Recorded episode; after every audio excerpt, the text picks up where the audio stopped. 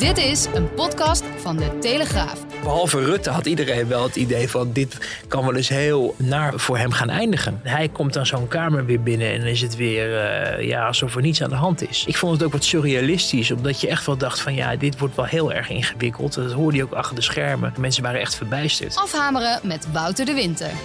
2 april, dat is dus de day after 1 april. Uh, het, het, het is Goede Vrijdag. Um, tegenover mij Wouter de Winter, onze politiek commentator. Mijn naam is Cameron Oela voor de volledigheid. Uh, Wouter, hoeveel uur geslapen? Uh, ik denk iets van 3,5. Dat is te weinig.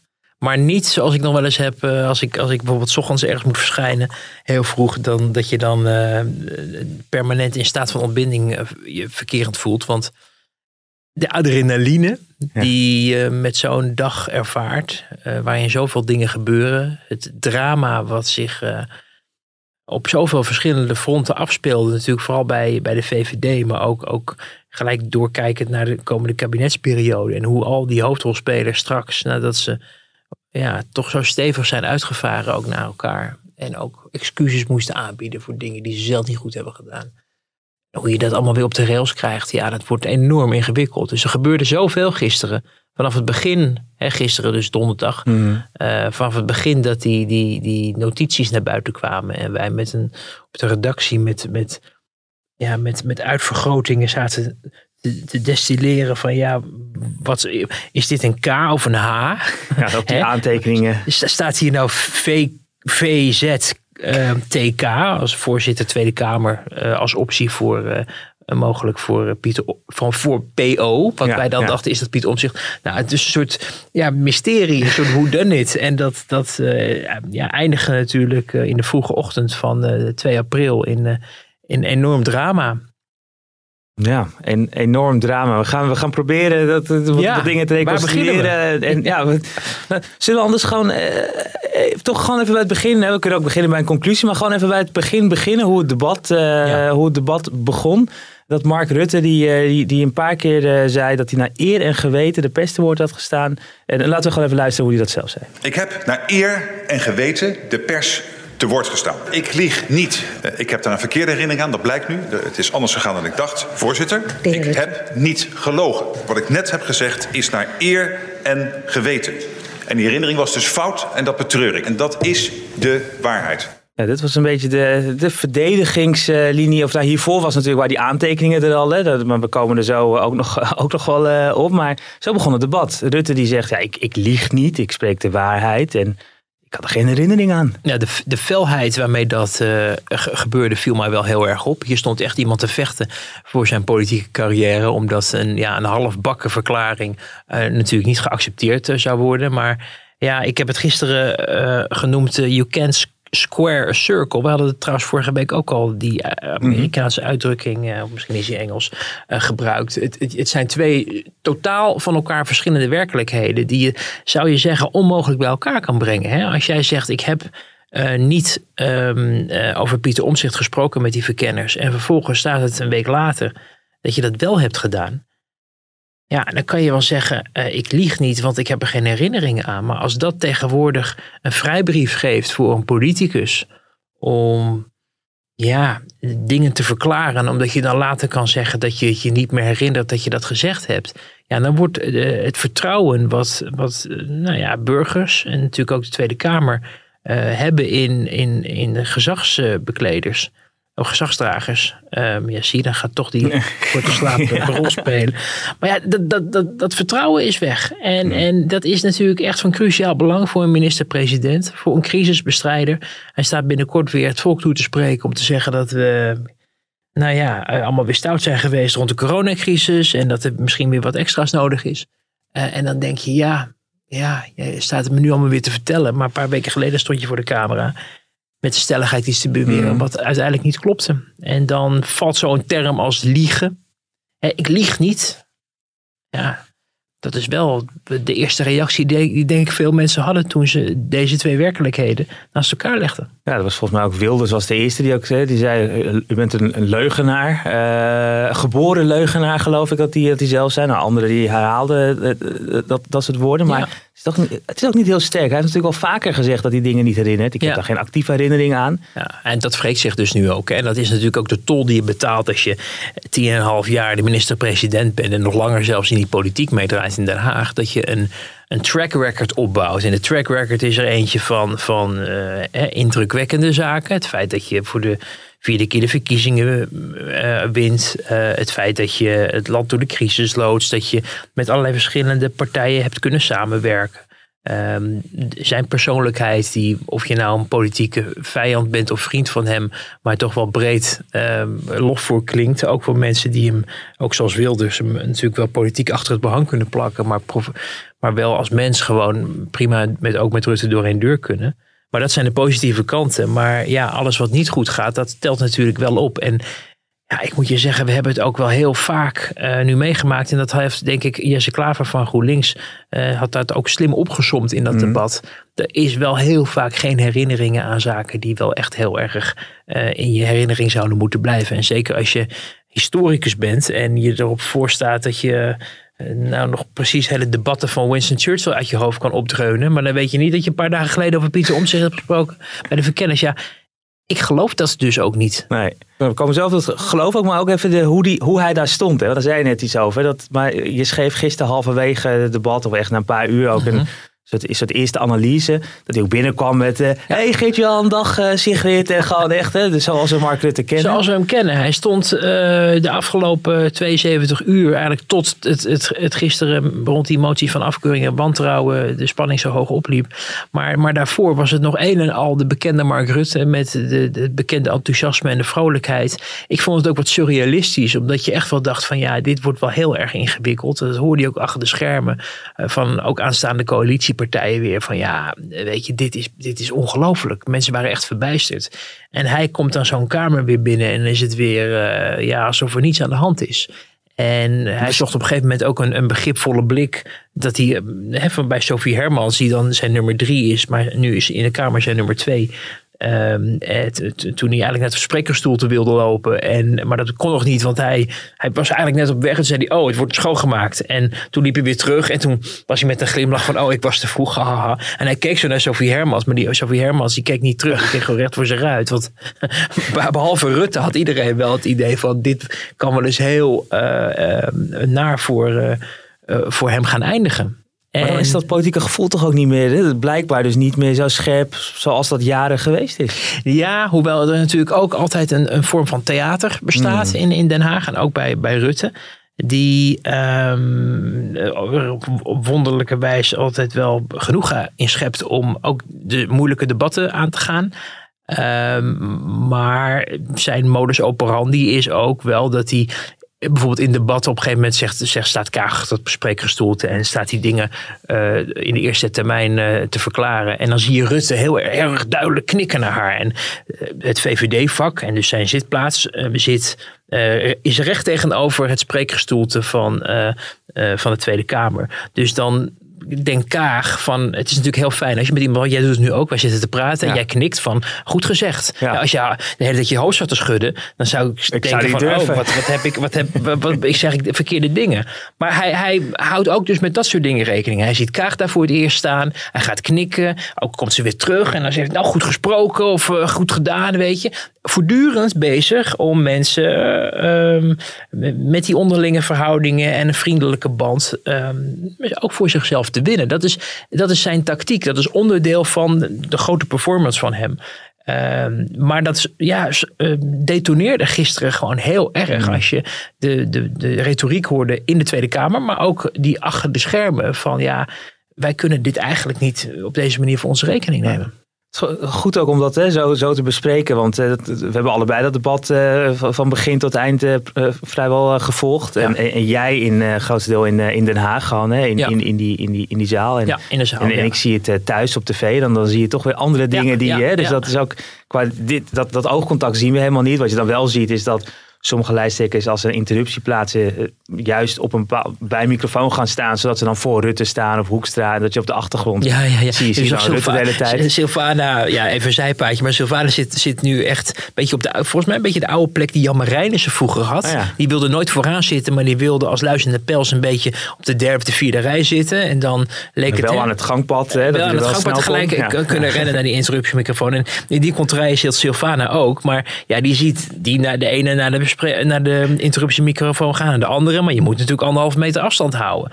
En ehm, dus die probeerde, ja, ik, die, die dacht, ja, ik, ik kan niet op mijn plek blijven zitten, want dan ziet de voorzitter me niet. Dus ik loop naar voren om te zeggen, ik wil ook wat vragen. Maar ja, vervolgens moet je daar, en met 17 fractievoorzitters die ook allemaal iets willen zeggen, Um, betekent het dat zij uitzoeken was van waar kan ik veilig staan om anderhalve meter afstand. Dus toen dacht ze, nou dan hou ik anderhalve meter afstand van Gert-Jan Segers, die op dat moment aan het woord was.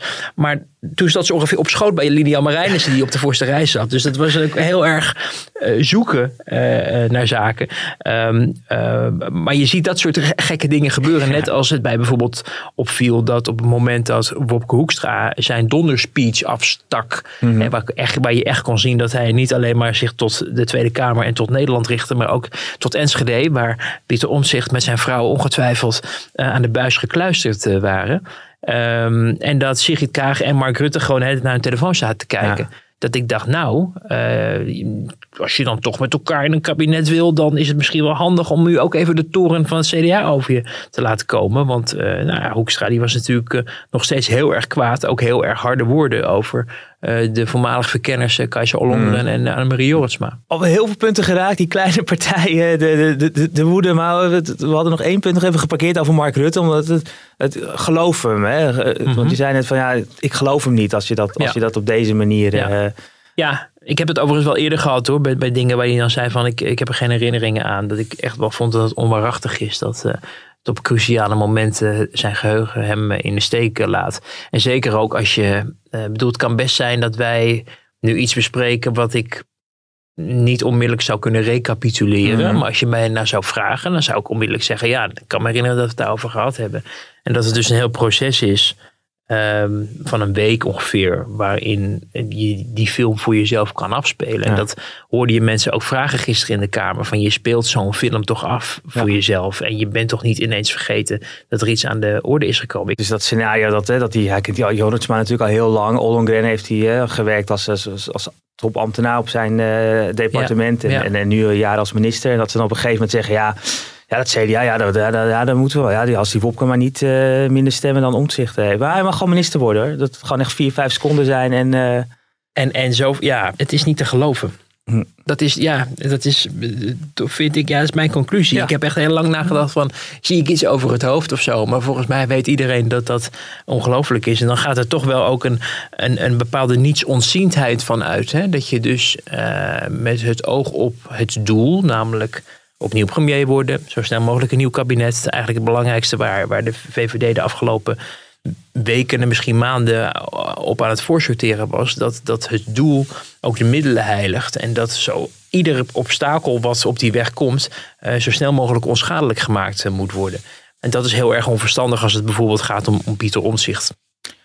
Omdat ik dan denk, uh, ja, uh, daar is zoveel gebeurd. En die toeslagaffaire, waarvan hij, waar hij niet om is afgestraft, hè, laten we dat niet vergeten. Nog steeds een heleboel mensen op de VVD uh, gestemd. En het verhaal wat we vanuit de SP en vanuit CDA bij Pieter Omtzigt, maar ook in allerlei media, hè, dat de, de, man ongeveer opgeknoopt moest worden omdat hij als mm. grootste hoofdverantwoordelijke de mensen in de verdrukking had geholpen. Dat is, heeft niet beklijft bij de, bij de, bij in ieder geval de mensen die 35 zetels aan de VVD, of 34 zetels aan de VVD ja. hebben geholpen.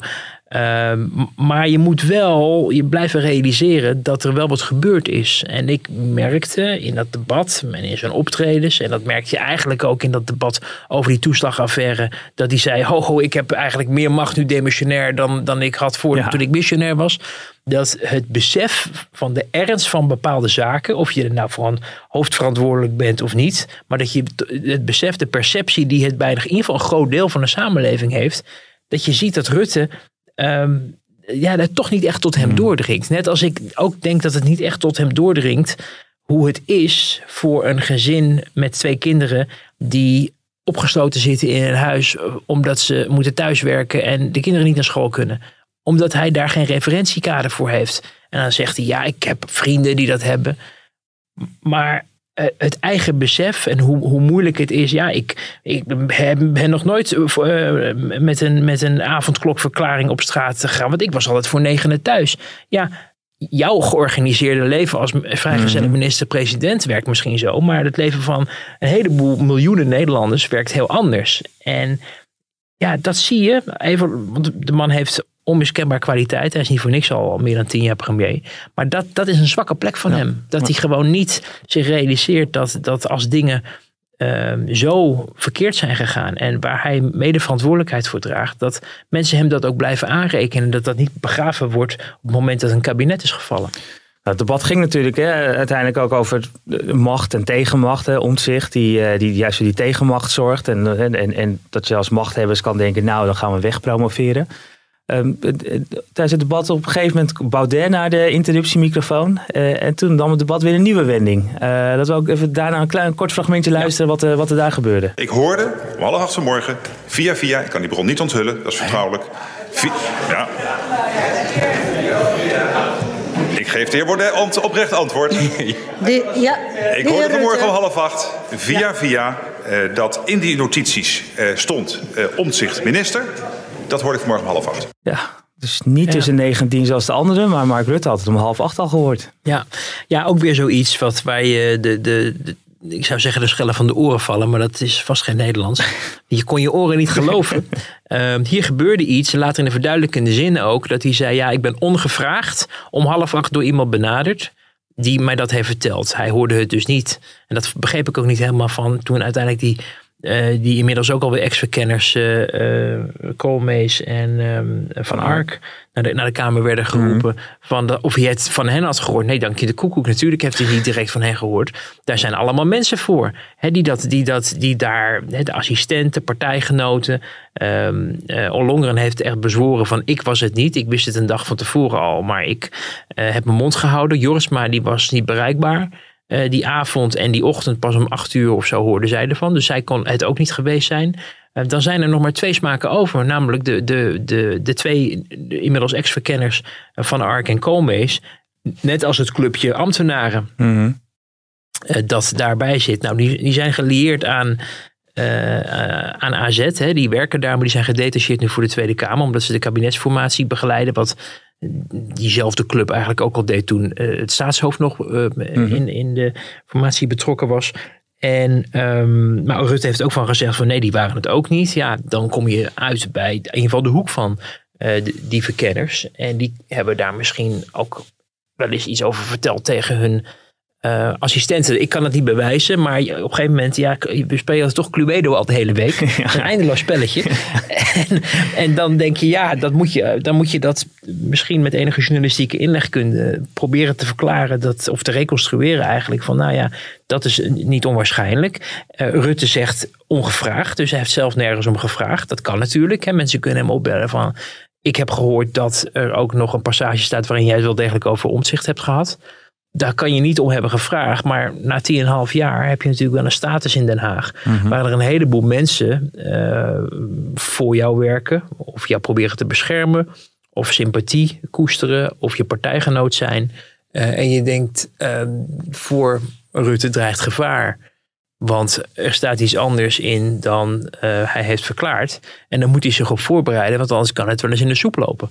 En dat schijnt te zijn gebeurd. Dat hij dus preventief daarvan op de hoogte is uh, gesteld. Uh, wat wel heel wonderlijk was dat hij daar dan zelf mee kwam. Dat leek een enorme fout ook. Hè? Het leek een mm. beetje alsof Balkenende in Balkenende 2... Uh, in het beroemde debat over het paspoort van Ayaan Hirsi Ali... op een vraag uit de oppositie zei weet trouwens niet eens of de oppositie was, uit de Kamer zei: um, de minister voor Vreemdelingenzaken moest wel met deze oplossing kunnen leven. In plaats van dat de wetten en de regels gevolgd werden, was er ook nog een politieke component aan. En dat was eigenlijk het einde van het kabinet, wat, wat toen werd ingezet. En uh, daarom bleek die, die Ehm, via via half acht quote ook eentje van ja, een slip of de tong die alleen maar weer bevestigde dat er een soort circuit gaande is achter de schermen dat Rutte bevoordeelt en de rest van de Tweede Kamer uh, op achterstand stelt. Eigenlijk het grote verwijt wat ook Pieter Omtzigt natuurlijk maakt. Van ehm, die staat functioneert niet voor de burgers, maar een beetje voor zichzelf of voor de machthebbers of wat dan ook. Ehm, dus dat was vrij ontluisterend. Er werd natuurlijk ook wel weer de, de suggestie vermoed, bijvoorbeeld door uh, Esther Ouwehand van de Partij voor de Dieren. Die zei, ja, is dit een afleidingsmanoeuvre? Ja, dus een beetje proberen weg te halen we dat liegen en zo. En het debat over iets heel anders laten gaan. Omdat liegen zo duidelijk mhm. leek, uh, en misschien ook wel is... Uh, laten we voor de sake of die argument dat maar aan het laatste uh, vasthouden dan, dan, dan als het ineens over via via, toen moest er een punt van orde kwam er en dan ging de Kamer daar weer over schorsen en beraadslagen. En toen hoorde je ook in de commentaren van, oh het is helemaal ingezakt. En waar het eerst nog heel spannend leek of Rutte wel het eind van de dag zou halen, kabbelde het een beetje weg. Want ja, je had er nog, uh, nog veertien andere sprekers en er gebeurde niet zoveel meer. En toen leek hij er weer een beetje mee weg te komen. Uh, dus, dus ja, achteraf gezien wel bijzonder dat hij dat heeft vermeld. Nou ja, hij sprak waarschijnlijk de waarheid in ieder geval. En hij kon zich herinneren dat hij was gebeld of benaderd om half acht ochtends. En stel je voor dat hij het niet had gezegd en het zou wel bekend worden later. Dan had hij natuurlijk ook weer een probleem gehad. Dus nou ja. Dan de rol van Kaag uh, misschien uh, goed om uh, te bespreken. Want er moesten twee verkenners komen van ja. D66-huizen en VVD-huizen. Ja. Het was een D66-verkenner met dat, met dat blaadje. Dus, dus, dus Kaag in een ingewikkelde rol. Wat... Ja, ingewikkelde rol, maar wel eentje die ze vind ik wel, wel, wel heel slim speelt. Hè. Je, kan, je kan zeggen wat je wil uh, van haar. Zij is natuurlijk uh, als D66 met haar nieuwe leiderschap en al die grote woorden daarvoor uh, natuurlijk echt mede verantwoordelijk voor de puinhoop die het is geworden. Met haar verkenner, hè, die er per se bij moest komen als tweede verkenner naast de eerste. Daar zijn ze inmiddels weer van afgestapt. Maar naast die, na de twee verkenners, Joris Maan Ollongren, moesten er nog twee komen. Was ook binnen een mum van tijd geregeld. Ook weer mensen die heel dicht staan bij de partijleiding, ook van D66. Um, dus er zit, zij zit echt wel met de vingers tussen de deur als het gaat om het proces. En dat gaf ze gisteren, vond ik ook wel ruiterlijk aan. Dat ze daar ook haar verontschuldigingen voor aanboden. Omdat ze zich mede verantwoordelijk voelde. Maar uh, daarmee staat de, excuussteller um, nu één keer per, op één keer per week.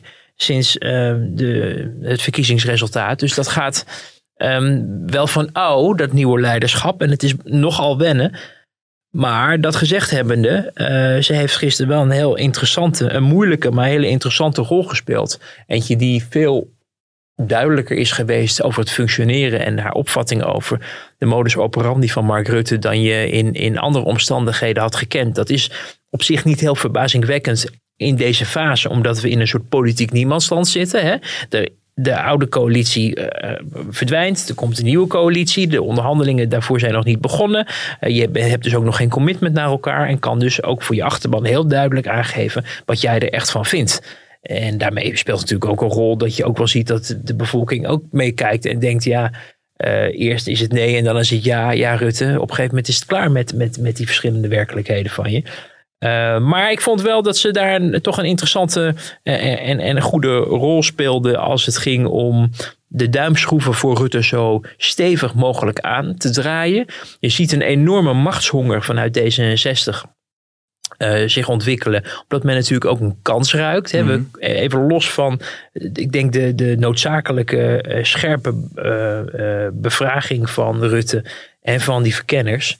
Um, gaat het hier ook nog steeds wel om macht in Den Haag. En er zitten dus ook, worden er ook kansen geroken. Op het moment dat de, de, de, de premier en de VVD-hegemonie van de afgelopen 10,5 jaar ter discussie staat, kan het betekenen dat er een wisseling van de wacht aankomt. Ja. En dan ben jij als, als de tweede in lijn voor de troonopvolging, hè, als, -hmm. als, als tweede partij. Uh, en als het nieuwe gezicht natuurlijk uh, mogelijk een kandidaat om dat te doen. En als je er eenmaal zit in dat torentje, dan ben je er ook niet snel meer, meer weg, kunnen we, kunnen we de afgelopen decennia wel vaststellen. Dus er is ook een kans om, om het, en dat geldt voor Kaag, maar dat geldt ook voor een heleboel andere gefrustreerde partijen. Ook voor Klaver en Ploemen en, en Breinissen en natuurlijk ook Wilders en, en Baudet. Dat op het moment dat je Rutte zo hebt beschadigd dat hij het veld moet ruimen, dat dat voor jou ook een kans biedt om de eigen partij meer macht te geven. Of, of er nou nieuwe verkiezingen komen, of met onderhandelingen voor een nieuw kabinet, of wat dan ook. Maar als Rutte van het toneel is verdwenen en die, die toverformule blijkt uitgewerkt, dan hebben een heleboel uh, partijen natuurlijk uh, een nieuwe kans om zelf meer macht te genereren.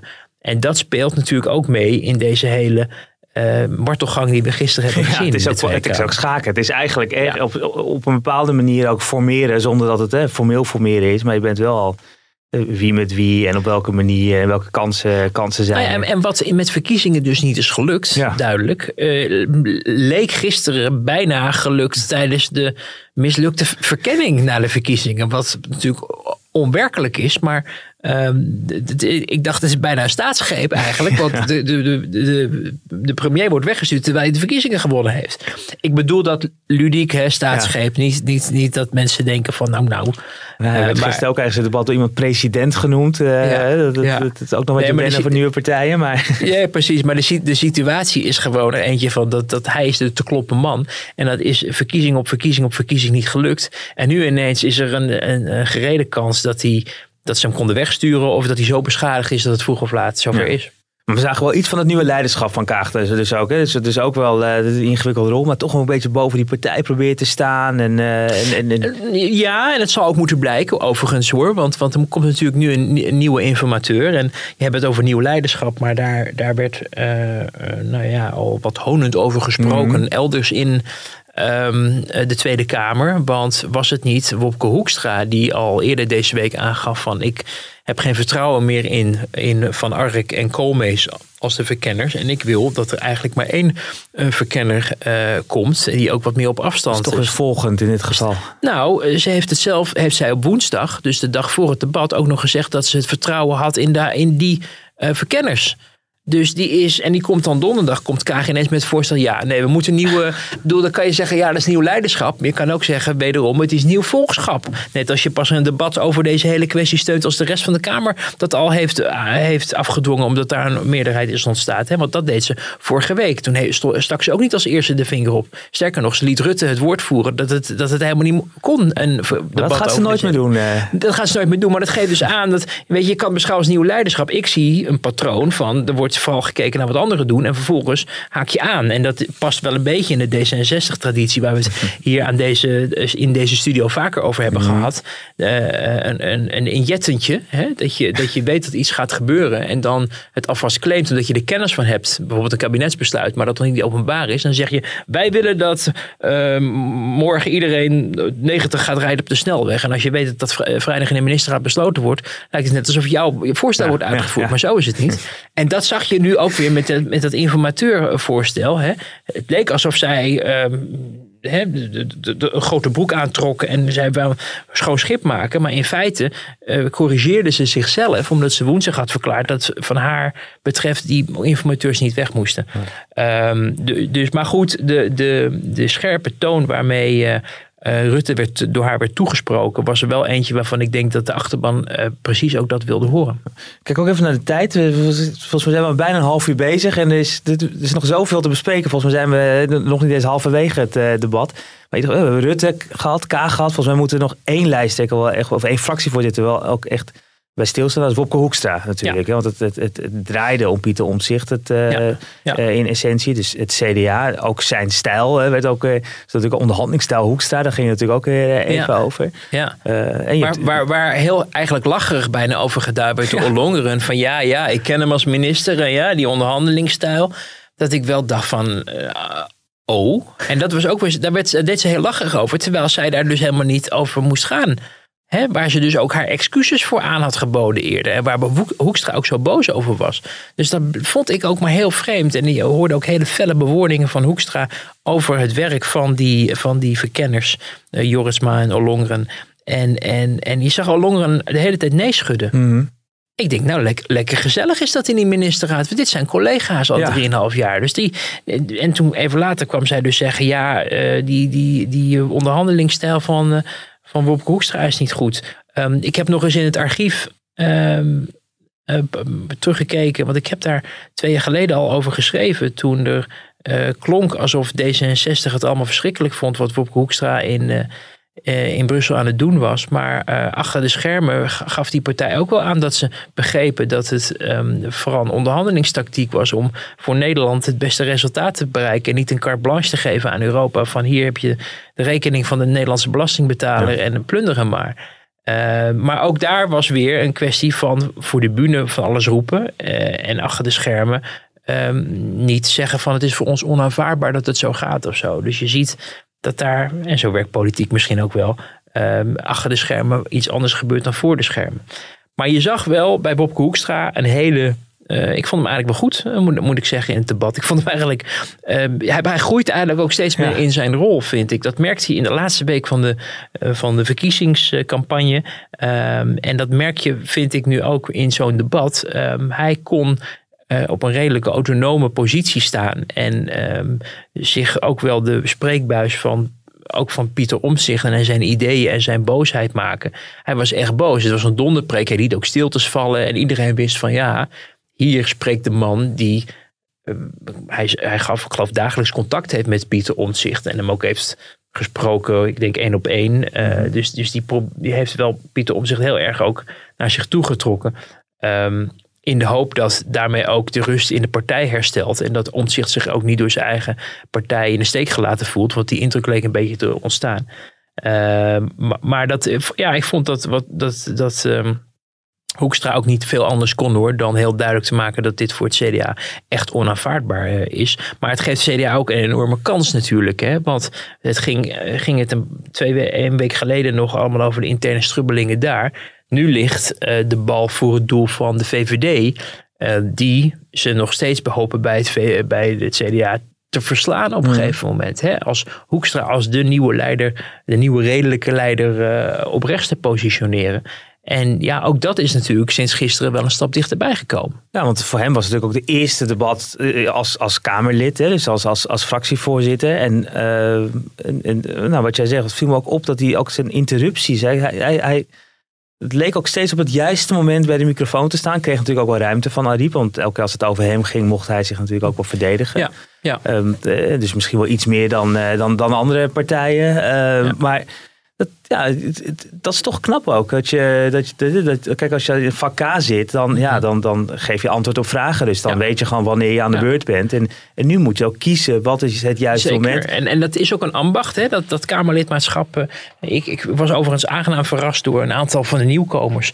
Joost Eersmans, die, die, die, die heeft natuurlijk als LPF-Kamerlid al een tijdje gedaan. Maar ook eh, Caroline en Sylvana. Uh, en ook die jongen van. Uh, jongen, oh, dat mag ik niet zeggen het geachte, de afge, geachte afgevaardigde van Volt. En meneer Dassen. Uh, die, die, mooi, Sylvana en Caroline, de voornamen zijn gewoon echt al... Kijk, Sylvana kennen we natuurlijk al, al heel lang als VJ. Maar Caroline is ook Caroline. gewoon een begrip geworden. Ja, en je denkt steeds aan dat liedje van Neil Diamond ook. Hoe je het ook bent of verkeerd. Of aan die Lucky TV. Maar goed, daar zullen we het niet al te lang over hebben. af hè. Um, um, we dwalen af. Um, nee, maar het is een ambacht. En je zag wel dat... dat vond ik dat uh, Wopke Hoekstra dat eigenlijk best uh, goed paste. Overigens um, maak ik daar ook een opmerking over. Want ik zat dus in die zaal en het is een mm. hele unieke plek nu. Omdat er geen publiek uh, de Tweede Kamergebouw in mag vanwege de coronacrisis. Dus er zitten alleen maar journalisten. En af en toe een, een verdwaalde medewerker van, van een politicus zit, zit op die tribune. En um, dan zie je dus ook wat er gebeurt uh, met die nieuwe fractievoorzitters. Bijvoorbeeld Sigrid Kaag, die had achter zich zitten uh, Rob Jetten. Mm En je ziet ook bij dingen als zij naar dingen wordt gevraagd of dat er een procedurele overweging is, dat ze zich omdraait en dan gaat kijken naar Rob Jetten van ja, wat is nu precies de bedoeling? En hetzelfde geldt voor Wopke Hoekstra, die uh, mevrouw Kuik, de nummer drie van het CDA, achter zich had zitten. Af en toe zich ook omdraaide van ja, wat moet ik hiermee? Of hoe werkt dat eigenlijk? Of, of wat, wat vind jij verstandig?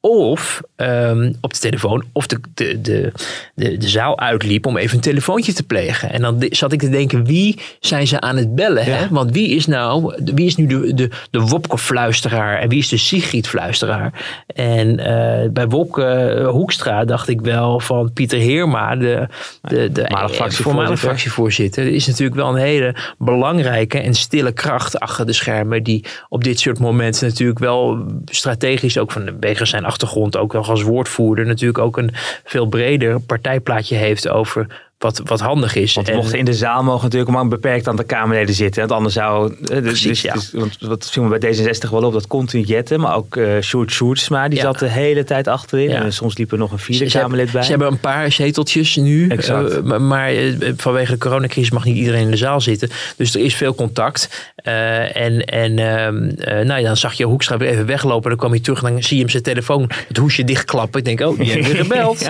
Met wie zal het dit keer zijn? Misschien was het wel met met uh, trouwens. Dat zou natuurlijk uh, ook nog kunnen.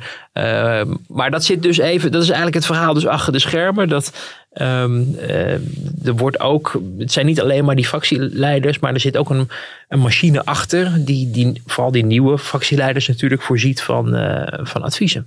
Ja, dat, dus, dus dan hebben we het ook al een beetje over die kleine nieuwe partijen ook. Hè? Dus dat, dat die ook een, een, een rol pakken. En, en dan Hoekstra laten we dan een even een grote stap uh, zetten richting, uh, richting de nacht. Mm -hmm. uh, want oh, dit is natuurlijk hoe het, hoe het allemaal gegaan is. Uiteindelijk komt er dan een motie van, van, van, van wantrouwen. Dat wisten we al dat die zou komen. Hè? Want ja. dat had Wilders eigenlijk al helemaal in het begin aangekondigd. Ja. maar dan komt er ook een motie van afkeuring. En die komt van een ja, soort, soort, soort nieuwe, een, een nieuwe bond, ja. K. Hoekstra. Het is cruciaal dat we dat vertrouwen herstellen. En ik heb aan die motie verder niks toe te voegen. Mijn vertrouwen in de heer Rutte heeft vandaag een forse deuk opgelopen. De afstand tussen hem en mij is groter. Dat betreur ik, maar ik neem het hem ook kwalijk. Daarom dien ik vandaag samen met een aantal collega's, met collega Hoekstra, een motie van afkeuring in. De meest ernstig inhoudelijke terechtwijzing. Ja, ja nou ja, dat, dat hoort dus denk ik uh, enerzijds bij um, ook wel echt oprechte vertaling van, een, van iets wat niet met elkaar te rijmen valt. Waar we het net over gesproken hadden. En dat ook de, de, de bevolking ook meekijkt en zegt: ja, als je dit over je kant laat gaan. zonder een heel duidelijk signaal aan Rutte te geven. dan ben je geen knip voor de neus waard. Dus men heeft, voelt ook die druk wel om zoiets te doen. Er zit natuurlijk het aspect bij van. Uh, van de, macht en lonkende macht. En het feit dat iemand aan het begin van um, de, de onderhandelings tijd uh, wel uh, nou ja, beschadigd kan worden uh, beschadigd kan raken. En mhm. dat je daar zelf ook nog wel een, hartje, een handje in meehelpt. Um, het is natuurlijk ook een oplossing om de motie van wantrouwen niet te hoeven steunen. Uh, want um, als je dat zou hebben gedaan, dan had, zei Rutte, had hij, was hij opgestapt. Maar dan was hij opgestapt als demissionair minister-president. Maar de VVD gaat uiteindelijk zelf over wie uh, er de VVD-fractie voor ja. zit. En wie er ook premier gaat worden. Want dat mag de grootste partij van een kabinet mag dat zeggen. En het is niet gebruikelijk dat een andere partij een veto uitspreekt daarover. Dus dan kan je hem wel uh, op die manier proberen weg te sturen als demissionair premier. Maar dan breng je ook het plantsbestuur misschien schade toe. Want dat heeft dan geen demissionair premier. Moet je daar weer een vervanger voor aanstellen. Maar het probleem wordt niet heel erg opgelost. Want even later zit hij er alsnog weer. Zoals het er mogelijk naar uitziet. Hè? Uh, wat ik zeg mogelijk. Uh, er kan natuurlijk wel iets gaan gebeuren de komende dagen ja. nog. Naar aanleiding van, van dit. de, de, de krantencommentaren zijn, en we weten allemaal hoe belangrijk die zijn. Uh, maar die zijn redelijk... Ja, want daar laten we het heel even dan... Het ging natuurlijk ook over jouw column een paar keer. want het, het, het woord fluistercampagne. Weet jij precies hoe laat die column gepubliceerd is? Ja, ja maar dat is ook... Weet je, er is wel heel veel... We zijn wel, blijken wel veel papegaaien ontwaakt de afgelopen wat is het, tien dagen. Uh, het woord fluistercampagne heb ik nooit opgeschreven. En ik heb ook nooit uh, gezegd en opgeschreven dat er een gecoördineerde actie plaats zou vinden vanuit de CDA-top om Pieter Omtzigt te mm lozen. Uh, dat is ervan gemaakt. Er is een andere journalist geweest die een groot artikel heeft geschreven. Die heeft daar, denk zijn eigen aanwijzingen voor. Nou, dat kan. Ja. maar die heeft ook een stukje uit mijn column gebruikt als een illustratie van dat stuk. Uh, nou, dat mag ook. Alleen ik heb daar zelf natuurlijk ook wel wat over te vinden. Ja. En, en ik weet met wie ik gesproken heb. En, ik, en, en dan kan ik ook wel, uh, voor, in ieder geval voor mijn stuk, voor mijn column uitmaken of er sprake is van een fluistercampagne. Uh, een woord wat ik niet heb gebruikt, net als ik ook niet het woord labiel heb genoemd. Nee. En ook niet het woord ziek, wat ik van de week in de Volkskrant tegenkom, alsof ik dat opgeschreven zou hebben. Dus je ziet dat mensen niet de moeite nemen om eens heel goed te kijken naar die column van wat staat er nou? Hoe wordt het ingeleid? Ik heb het ingeleid als er zijn zorgen bij VVD en D66 over de stabiliteit van de CDA. Ja. Moet je eens kijken wat er gebeurd is afgelopen week. dat was, dat was exact wat er in die formatie besproken is. Dus ik zou veel meer, um, nou ja, de, de, de spot ligt daarop richten dan eh, het frame van, um, tenminste op basis van wat, ik heb mhm. kunnen constateren, van het zijn, het is een vooropgezet plan om Pieter Omzicht te lozen. Want ik hoor al sinds Balken de Vier, uh, ook bij het CDA, dat ze het moeilijk vinden om met Pieter Omzicht te werken. Uh, maar ja, dat wordt dan onderdeel ook van, een, van, een, van, van het debat inderdaad. Een hele laat in de avond bij het verhaal van Joritsma. Die zei, ja, dat hebben we gedaan op basis van krantenberichten en artikelen en iets wat in de Telegraaf stond. En, maar dat verscheen allemaal pas voordat, uh, of nadat die gesprekken zijn geweest met uh, Rutte en Kaag. Um, dus ja, dat, dat was een hele merkwaardige. Ja, dat, dat, uh, hoe ik zeg, Rutte en Kaag met die gesprekken van maandag. Die gesprekken van maandag die, die waren ongeveer al klaar. En toen kwam de mijn column pas online. Ja, want die waren, Rutte was volgens mij de eerste die die maandag Precies. kwam. was in de ochtend. En uh, jouw column komt in de krant op dinsdag. Dus dat ging ook even over onze online strategie daarin. Nee, die column komt op dinsdag. En toen zei je, dat was Jesse wat even uitgezocht. Ja. Maandag 16 uur 48. Mogen we daar nog even, even een klein stapje over zetten? Want dat was natuurlijk schitterend. Hè? Eerst zei hij, ja, ah, ik lees ook alle kranten. Bijna alle kranten. weet je, dat ik denk, ah, Ik sta, sta je onder een schuilnaam bij ons in de, in de, in de abonnee-administratie. dat zou toch niet? En dan vervolgens er toch wel heel erg mee aan de haal gaan. Van ja, een column in de Telegraaf. En, en nou, daar gingen andere mensen dan ook over hebben. Ehm, ja, die, oude, die, die oude liefde roest niet, zullen we maar zeggen. Dat zal het zijn. Uh... Ja, maar, maar ja, het is, ik vind het zelf altijd een beetje ongemakkelijk. Hè. Je hebt ook mensen die er heel erg opgewonden van raken. Van oh, uh, ik word genoemd en ik sta in de handelingen en zo. Maar en ja, het is, natuurlijk, het is natuurlijk bijzonder als je iets opschrijft waarvan je achteraf kan vaststellen dat het spot on was. Uh, maar daarvoor zit je, doe je het niet. En het voelt ook wat ongemakkelijk, omdat je, zoals ik net al aangeef, um, af en toe ook het idee hebt dat dingen uit zijn verband worden gerukt. En je hebt geen controle meer over de boodschap. Maar ja, daar moet ik ook niet al moeilijk over doen. Want heb, dat het gevoel hebben politici dus elke week als ze de kranten lezen en zeggen: Zo heb ik het niet bedoeld. Of dat is uit zijn verband gerukt, of wat dan ook. Uh, maar ja, ik vind het, het ja, ik, ik, vind het zelf altijd een beetje ongemakkelijk als het dan heel erg daarover gaat. Uh, en daarom vind ik het ook niet goed dat, en dat is later ook weer ingetrokken, maar dat er een suggestie is gewekt van ja, uh, zo'n notitie is verschenen omdat media daarover mm. schrijven, terwijl dat gewoon niet waar was. En, en, en dat past in een wat breder patroon in Den Haag, wat je ziet. Dat uh, als je het echt niet meer weet, dan zeg je gewoon het komt door de media. Precies. Of het de boodschapper de schuld geven. Uh, en dat ondergraaft ook de, ook, ook de geloofwaardigheid van de media. Want er zijn toch mensen die gaan zeggen: ja, het wordt wel opgeschreven, maar ja, moet je ze wel vertrouwen? Mm. En zit er niet een agenda achter. En uh, daarom vind ik het ook erg onverstandig als politici daarmee gaan wapperen. Ja, Annemarie Joritsma die, eh, die, die, die ook zei, ik lees alle kranten en dan uh, ja, die maandagochtend, nee die maandagochtend niet. Toen moest ik om zes uur in, in de auto. Dus, uh, ja. Maar in die maandag stonden de kranten wel weer vol van, oh wat, wat is dit? Maar ja, zo ja, misschien twintig jaar niet, niet zo was. Was, want er ging, het ging helemaal niet, het, het, ging over de opgestapte partijvoorzitter. Maar allemaal details over omzicht waren, waren nog helemaal niet toen aan de orde. Maar ik, ik, ik, ik kapte je abrupt af terwijl je het had over de rol van kranten. Uh, en dat die belangrijk zijn. En dat de kranten de commentaren vandaag toch ook wel zijn van. Kan, ja. Rutte is beschadigd, ja. kan niet wel verder. Volgens mij waren we daar gebleven. Ja, nee, want dat is, dat is wel iets. Er is ook een peiling. Eh, we zijn er van moeten Rutte blijven of opstappen. ik vind het inmiddels na alles wat er gebeurd is uh, gevaarlijk om uh, nu al te concluderen dat Rutte inderdaad weer premier wordt en doorgaat. Mm -hmm. uh, we moeten er rekening mee houden dat er dingen gaan gebeuren de komende dagen, weken, maanden.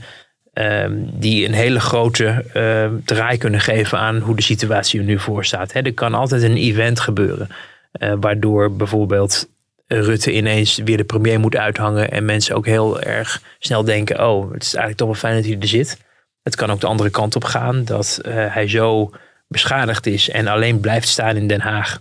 Dat um, het moeilijk wordt en dat hij een obstakel is voor het smeden van een coalitie met in ieder geval uh, uh, CDA en, en, D66 en misschien ook ChristenUnie. Want viel wel op dat die motie van wantrouwen niet door de ChristenUnie mhm. gesteund werd. Waarmee eigenlijk al een blijk van vertrouwen ook werd afgegeven aan de huidige coalitie en, en misschien een toekomstige samenwerking. Uh, maar er speelt ook nog iets anders uh, een rol bij de afweging van wat gaat Rutte nu doen. En dat is dat de VVD natuurlijk de grootste partij is. Uh, de verkiezingen ook gewonnen heeft. En ehm, eh, op dit moment niet echt een opvolger in huis heeft. Mhm. Men was er langzamerhand wel van overtuigd dat dit de komende ronde waarschijnlijk de laatste zou zijn voor Rutte. En daardoor had men bedacht van we gaan een aantal mensen kansen geven, een aantal jonge mensen vernieuwen en kijken wie er boven komt drijven. En die zou dan de nieuwe leider moeten Ja. worden. Alleen eh, die, die kans is nog niet, heeft zich nog niet voorgedaan. Eh, De vraag is of je nog jaren kan wachten om dat te laten gebeuren. Maar als Rutte nu zou opstappen en de, de deur van Den Haag achter zich dicht zou trekken, dan is de VVD stuurloos. En dan kan er een machtsstrijd ontstaan, omdat mensen denken: hé, hey, het, het speelveld ligt open, er is een machtsvacuum en daar ga ik eh, me in profileren. Voor je het weet krijg je een lijsttrekkersstrijd. nou, daar hebben ze ook niet zulke goede eh, erv- ervaringen mee bij de VVD. Dus het is voor Rutte en voor de VVD, voor de VVD vooral te vroeg om nu te zeggen, ik, ik, ik kap ermee. Dus dat zou je moeten begeleiden als hij dat al wil doen. Hè? Dus dan zou je moeten zeggen, ik doe het nog eh, demissionair, zit ik de rit uit. Maar eh, straks met de onderhandelingen schuiven wij een nieuwe kandidaat premier naar voren. En die hebben de anderen dan ook te accepteren. Hè? Want de VVD heeft de eerste keuze omdat ze de grootste zijn. En die kan ook van buiten komen. Die kan ook van buiten komen. De naam van Edith Schippers komt toch gelijk boven. Omdat je denkt, ja, eh, dat is wel degene die bij de VVD nog steeds ook veel steun geniet. En ook heel vaak ook door, door mensen is getipt. Ook toen Rutte echt niet aan opstappen dacht. Eh, zij is natuurlijk wel, en ze heeft denk ik ook, ik heb laatst hier een interview met haar gehad, Mhm. een paar deuren verder in dit gebouw. En eh, toen gaf ze ook aan van, eh, van nou, ik ben hartstikke gelukkig bij, eh, bij DSM en het gaat de goede kant op. En maar je merkte ook wel dat, nou, zeg nooit nooit. Dat heeft ze ook letterlijk zo gezegd, van Ja. ik, ik sluit nooit wat uit. Maar dat zou in theorie dus kunnen, hè? Dat, je, dat de VVD zegt van we willen, we willen, dit is onze kandidaat voor het ministerschap van Algemene Zaken en daarmee minister-presidentschap. En dan heb- heeft de rest dat maar te accepteren. Tenzij ze vinden dat het een monster is die ze aandragen. Maar dat zal bij Edith Schippers niet zo snel gebeuren. Dus dat is ook een mogelijkheid. Ehm, of een andere VVD'er die het, die het zou kunnen doen.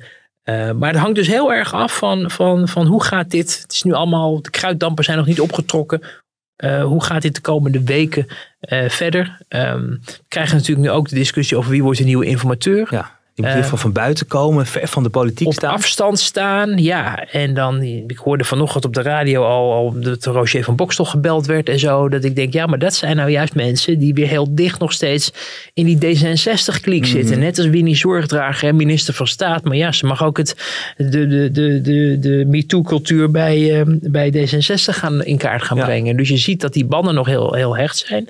Als je echt een, een gebaar wil maken, dan moet je echt iemand met groot gezag vragen. Waarvan mensen niet onmiddellijk denken van nou, die is elke dag met Sigrid Kaag, Mark Rutte of Wopke Hoekstra aan het bellen. Eh, misschien bijvoorbeeld iemand als Balkenende. Eh, heb ik zelf bedacht, nergens gehoord. Maar, Nee, ehm, die horen voor het eerst. Nee, die- Ja. ik noteer hem. ja, en weet je waarom? Omdat, eh, en misschien dat het achterhaald is, hoor, dat het vandaag al iemand bekend wordt en dat het mensen denken, maar ehm, ik weet ook niet of hij, of hij zich daarvoor eh, wil laten lenen, maar iemand vertelde mij dat ehm, Pieter Omtzigt ooit een protégé was van eh, Jan-Peter Balkenende. En dat, dat eh, hij hem, ehm, dat hij onder zijn eh, ja, leiding of, of hoeding of, of steun ooit zijn Kamerlidmaatschap heeft kunnen ontwikkelen. En dat zou, ik weet niet of die banden nog steeds goed zijn, maar dat zou wel Oh. interessant zijn natuurlijk vanwege Ja. die link. Eh, maar dit is even, het mag toch wel in de podcast dat we een beetje speculeren. Nee, zeker, zeker. We hebben het eerder deze week in eh ook afhamerde video ook samen mogen doen. Want Ja. eh, het- toen was Pim ook afwezig. Ehm, en en toen hadden we het over oud-Kamervoorzitters. En er werd Gerdy Verbeet genoemd. En Ja. ik dacht, ja, dat zou nu ook. Want PvdA gaat niet, niet een premier leveren. Of, Nee. dat is dus Nee, alleen dat ging dan toen nog heel erg over de, over de verkenningsfase. Nu wordt er echt gesproken over een informateur. Dat zou dan mogelijk ook iemand zijn die, die, die eh, misschien de hele formatie gaat begeleiden. Ik Ja. weet niet of Verbeet dat nou per se de meest geschikte voor is. Maar als het gaat om boven de partijen staan en een beetje op afstand staan, maar wel gezag eh, hebben, dan zou je aan zo'n figuur denk ik best eh, kunnen denken. Terwijl we hier zitten, komt er ook nieuws binnen. Dat Kamervoorzitter Ariep heeft met de koning gesproken over de situatie rond de kabinetsformatie. Ja, dat is niet helemaal ongebruikelijk. Dat is in de vorige kabinetsformaties ook gebeurd toen de koning al een beetje op afstand stond. Omdat hij wel wordt bijgepraat Mhm. over het verloop ervan. En er is natuurlijk wel wat gebeurd. Dus het is niet vreemd dat dat, dat, dat, ehm, dat, dat contact er is. Want Mhm. koning is ook eh, is het staatshoofd, is onderdeel van, eh, van de regering. Eh, en nou ja, of hij in lachen is uitgebarsten tijdens het gesprek, dat, dat zullen we nooit weten, denk ik. Maar het is niet ongebruikelijk dat de koning wordt, wordt bijgepraat. Ehm, maar nog even terug naar zo'n informateur. Ja. ja, de reflex is gelijk, dan wordt er gezegd minister van Staat. Of ik hoorde Tom de Graaf. Eh, Of ja, Piet Hein Donner. Nou, Piet Hein Donner die is ongeveer naar de, politieke vergetelheid gedragen door Pieter om zichzelf in dat debat over de kinderopvangtoeslagaffaire. En Tom de Graaf is echt nog iemand, vind ik, die nog veel te dicht bij, bij D66 eh, staat. Die ook op het congres rondliep toen Pechtold afscheid nam en zo. Dus Maar die wordt natuurlijk genoemd dat hij de vicevoorzitter van de Raad van State is. Vicepresident, Eh, vicepresident. En in Ja. het verleden hebben we dat gezien met Cenk Willink of Ja. Donner. Dat, dat, dat daarna wordt Ja. gekeken. Ja, ja. En, en dat is, ja, het zou wel gênant zijn als je nou weer bij Cenk Willink moet uitkomen. Want die man moet het elke keer redden als het, als het de, Ja. in de formatie natuurlijk een, eh, niet goed gaat. Hè. Vorige formatie was het ook. Ehm, maar goed, het- het- ja, het moet echt iemand worden die, die vind ik, persoonlijke mening, maar ook een beetje kijkend naar wat er allemaal gebeurd is en hoe er ook in de Kamer is gereageerd en hoe er, men ook behoorlijk tekeer ging tegen die verkenners. Dat je echt iemand vindt waar je in ieder geval niet eh, denkt dat je daar gisteren mee in de klas hebt gezeten of zo. Het moet wel echt iemand van gezag zijn. Ja. eh, waarvan iedereen denkt van het is goed dat diegene het doet. Ja, nou ja, Balkenende als mogelijk, hè, het- het- het- mogelijk een hersenspinsel, laat ik het zo eh, ja. noemen. Die in ieder geval het gezag heeft, jarenlang premier van Nederland geweest. En het is geen VVD'er en het is geen D66er. En de CDA stond wel centraal in dit hele drama. Ja. Dus dat het een CDA wordt. Ook omdat CDA toch wel nodig is, vinden VVD en D66 ook om een, om, een, om een coalitie te vormen. Dus zou het mij niet verbazen als nu naar die partij wordt gekeken. En, en, en ergens ook wel iemand van een bepaalde generatie. Want ik, ik zat, Herman Wijfels wordt natuurlijk ook, altijd genoemd. Hè, in zo'n Mm. eh, in, in, in, in, in zo'n periode. Ik hoorde het van de week weg, iemand op de radio roepen. Ja. Toch even kijken hoe oud die man nu is.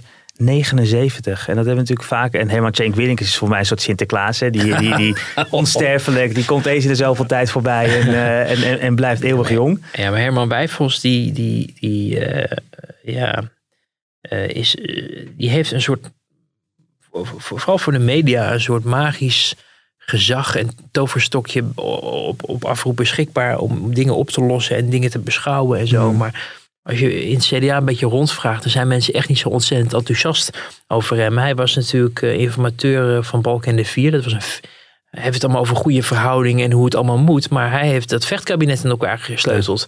Destijds met eh, CDA, PvdA en ChristenUnie.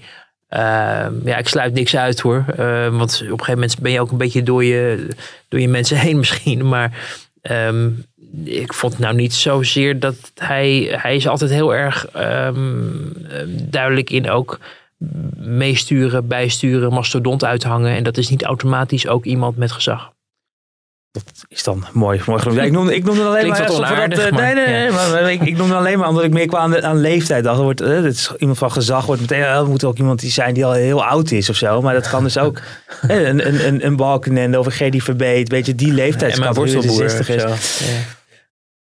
60 is. zo. Ja. Nou, ik weet niet waar deze hersenspinsel... dit is- Nee, ik, zag, nee, ik, zag daar even, ja, ik zag daar iets over voorbij komen. Ja. Van die is, eh, heeft een of ander contract gekregen. En die is de grote held die nu van... Tim eh, Hofman en Emma Wortelboer zouden... ja, echt, echt, laat het land door, eh, door haar gered worden. Ehm, dat ik ook dacht van, oké, die is kennelijk, die die doet heel belangrijk werk. Maar dat kan. Dat is ook leuk voor de jonge luisteraars die, eh, die nu zitten te luisteren. Zeker, nou, en, die nog steeds zitten te luisteren. Ja, eh, eh, Knap hoor. Ja, even kijken. Hebben, hebben we weet je, al, alles... ja, ik, ik dacht, we moeten over die kleine partij misschien nog hebben. Want dat, is- Wouter, dat, ik wens jullie wel heel veel sterkte in Den Haag. Elke keer als er een, een, een punt van orde is, moeten er 17 mensen daar iets van vinden. Ja, ja dat, dat, ik zat wel te denken van hier moet wel. Je, moet hier op een gegeven moment wel een oplossing voor zoeken. Wat, ik, wat mij meeviel is dat er wel de, de, de, de bijdrage vond ik wel redelijk inhoudelijk. Hè? Je ziet wel eh, dat. eh, eh, het is natuurlijk verleidelijk om voor de kwantiteit te gaan, omdat je dan veel in beeld bent. Maar je ziet wel dat er nu echt ook wel wat kwaliteit eh, zit van mensen die slimme, scherpe vragen stellen. Eh, of je het nou met ze eens bent of niet met hun politieke achtergrond of wat ze willen bereiken. Maar als het gaat, en dit, daar was dit debat natuurlijk op zich wel geschikt voor. Als het gaat om met z'n allen proberen de waarheid boven tafel te krijgen. Dan, dan speelt die politieke kleur allemaal wat minder mee. Mm.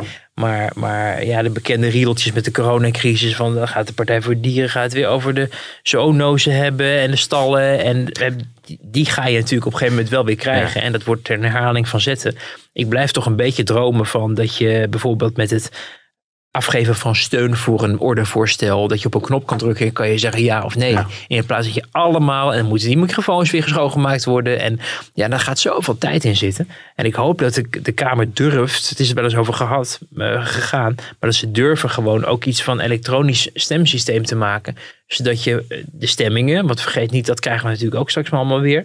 Maar ook dit soort orde dingen, dat je gewoon snel um, sommige zaken kan, kan afronden. Zoals het in Europa ook gaat met het Europese parlement, geloof ik. Hè? Ja, en, een heleboel andere parlementen, ook. Maar we gaan natuurlijk uh, verhuizen in, uh, in de zomer naar het nieuwe gebouw. Ja. En uh, ik geloof niet dat daar de, de, nu al de apparatuur voor is, is aangeschaft. Maar het is misschien wel een, een idee om te kijken hoe je daar in de toekomst mee omgaat. Is het trouwens vandaag op Goede Veilig een digitale ministerraad? Of, uh... Ja, die zou eigenlijk gisteren zijn. Die is uitgesteld vanwege uh, het debat. Dus dan hebben ze voor het eerst sinds in ieder geval ik in Den Haag werk... Uh, op Goede Vrijdag ministerraad gehad. Maar de ministerraad was om 10 uur 35 klaar. Oh, Hij begint meestal rond 10 uur of 10 uur, 10 uur 30. Dus men had elkaar niet zo ontzettend veel te vertellen. ik weet niet of dat de sfeer heel erg heeft bevorderd. Om daarmee te kunnen kijken, dat zou wel, uh, dat zou wel een soort, ook een soort droom zijn, of niet Wouter? Dat je gewoon ziet hoe je er vanochtend bij zit. Uh. Dat, is, dat, is, dat is waar, maar als je, de, en het is ook misschien verleidelijk, omdat uh, je, je kan via die Zoom-meetings natuurlijk wat makkelijker mensen laten meekijken zonder dat andere mensen dat in de gaten hebben. maar het is strafbaar om uit de ministerraad mm. te lekken. Dus je gaat ook gelijk de gevangenis in dan maar dat neemt niet weg dat de ambitie er is om toch een keer mee te kijken. ja. Iemand die daar wel waarschijnlijk heel ontspannen heeft gezeten vandaag is, is Hugo de Jonge. Uh, die zag ik, ja, het, het, het, uh, ik, we mogen niet te veel over mode te zeggen, want dan krijgen we daar weer allemaal columns over. Maar in een veel te strakke spijkerbroek, uh, ik weet niet of je dat gezien hebt, uh, liep je gisteren rond op de SS Rotterdam, geloof ik, omdat daar nu ook een priklocatie is. Ja, maar de coronakilo's treffen ons allemaal, Cameron. nou. dus, dus dat, laat ik, oh, dat is het. Hij is, hij, is hij is, niet op de groei gekocht. nou, laat, ik, laat, ik, laat ik het niet over de kleren van de minister van Volksgezondheid hebben, maar wel over um, wat er daar natuurlijk gebeurt, uh, is iets wat redelijk ondergesneeuwd raakt. En ik heb ook toevallig nog contact met iemand die met buitenlandse ogen kijkt naar de Nederlandse politiek. En uh, dan, dan uh, zie je ook wel terug dat zo iemand zich verbaast over de discussie waar het nu al twee weken over gaat in Den Haag. En niet dat er niet een enorme rel is uitgebroken over het feit dat de vaccinatiestrategie gewoon nog steeds niet op orde is. En daar komt Hugo de Jonge nu goed mee weg. Wij hebben er natuurlijk uh, op donderdag de krant mee geopend met die 1 miljoen uh, op, de op de plank liggende prikken. Um, dat is wel heel ernstig natuurlijk. En je hoort, jij zal ze ook horen, we horen ze allemaal verhalen van, van mensen die aan de beurt zijn of dachten dat ze aan de beurt zijn. En via eigen belinitiatieven mm. of wachttijden. Of dat ik las zelfs dat iemand, een van de bejaarde vrouw was gevraagd of ze zwanger was. Weet je, dat je denkt, ja, um, er gaat gewoon veel mis. En het is nog steeds niet op orde. En er wordt naar elkaar verwezen. En de GGD die verwijst naar het ministerie. Het ministerie zegt, ja, het valt al, gaat allemaal hartstikke goed. En voor je het weet staat Hugo de Jong weer te poseren bij een of andere priklocatie. En kijk, alles is hier een geoliede machine. Um, het detoneert zo met de ervaring van mensen die behoefte hebben aan het vaccin of hopen dat hun dierbaren die al hebben, zouden hebben gekregen. Um, dat we Hugo de Jonge deze week nog wel mee wegkwam. Mm. Uh, maar dat ik me zomaar kan voorstellen dat als de formatie in een wat rustiger vaarwater terechtkomt, dat de focus heel snel weer gaat naar hem. Hm. Ja, want uh, ik kon gisteren wel zeggen dat 72.000 prikken waren gezet. Een nieuw record. Dat is één prik per 0,9 seconden. Maar ondertussen, dat, nou, dan, dan, en, en is ook weer ze prikken bijgekomen. Dus er liggen nog steeds een miljoen uh, op de vlak. dan moet je dus, dat moet je dan tien dagen volhouden om, om, die, om, om dat miljoen te halen. Maar ondertussen krijgen we ook weer nieuwe leveranties. Hij blijft zeggen, de, de, de bodem van de koelkast komt in zicht. Of zo, of daar werken we naartoe. Ja. Um, maar ik denk dat vooral, en dat is, ja, hebben we het al helaas vaker over moeten hebben. Maar het is de, de, het verwachtingspatroon, het is de bravoure, het is de. Je kan dit probleem ook op een andere manier aanvliegen dan uh, steeds te stellen van uh, het gaat hartstikke goed en wat, wat zeurt u nou eigenlijk? En dat is iets wat mensen steekt, want die hebben het idee dat ze voor het lapje worden gehouden. Mhm. En uh, het is natuurlijk ook vaak gebleken dat ondanks de mooie woorden van de minister de praktijk anders uitpakte. En, maar ja, ik denk niet dat het gaat veranderen. We zijn volgens mij een, bijna een uur uh, verder. Oh, ik, ik, nou, ik, zit, uh, ik zit hier in de bonusminuten. Ja. Laten we er maar een eind aan brouwen. Dank, dank voor, het, uh, voor het luisteren. Volgende week dan zijn we er weer. Ongetwijfeld meer over de vaccins en, en de formatie. En zien hoe dat verder gaat. Wouter, dankjewel. Top.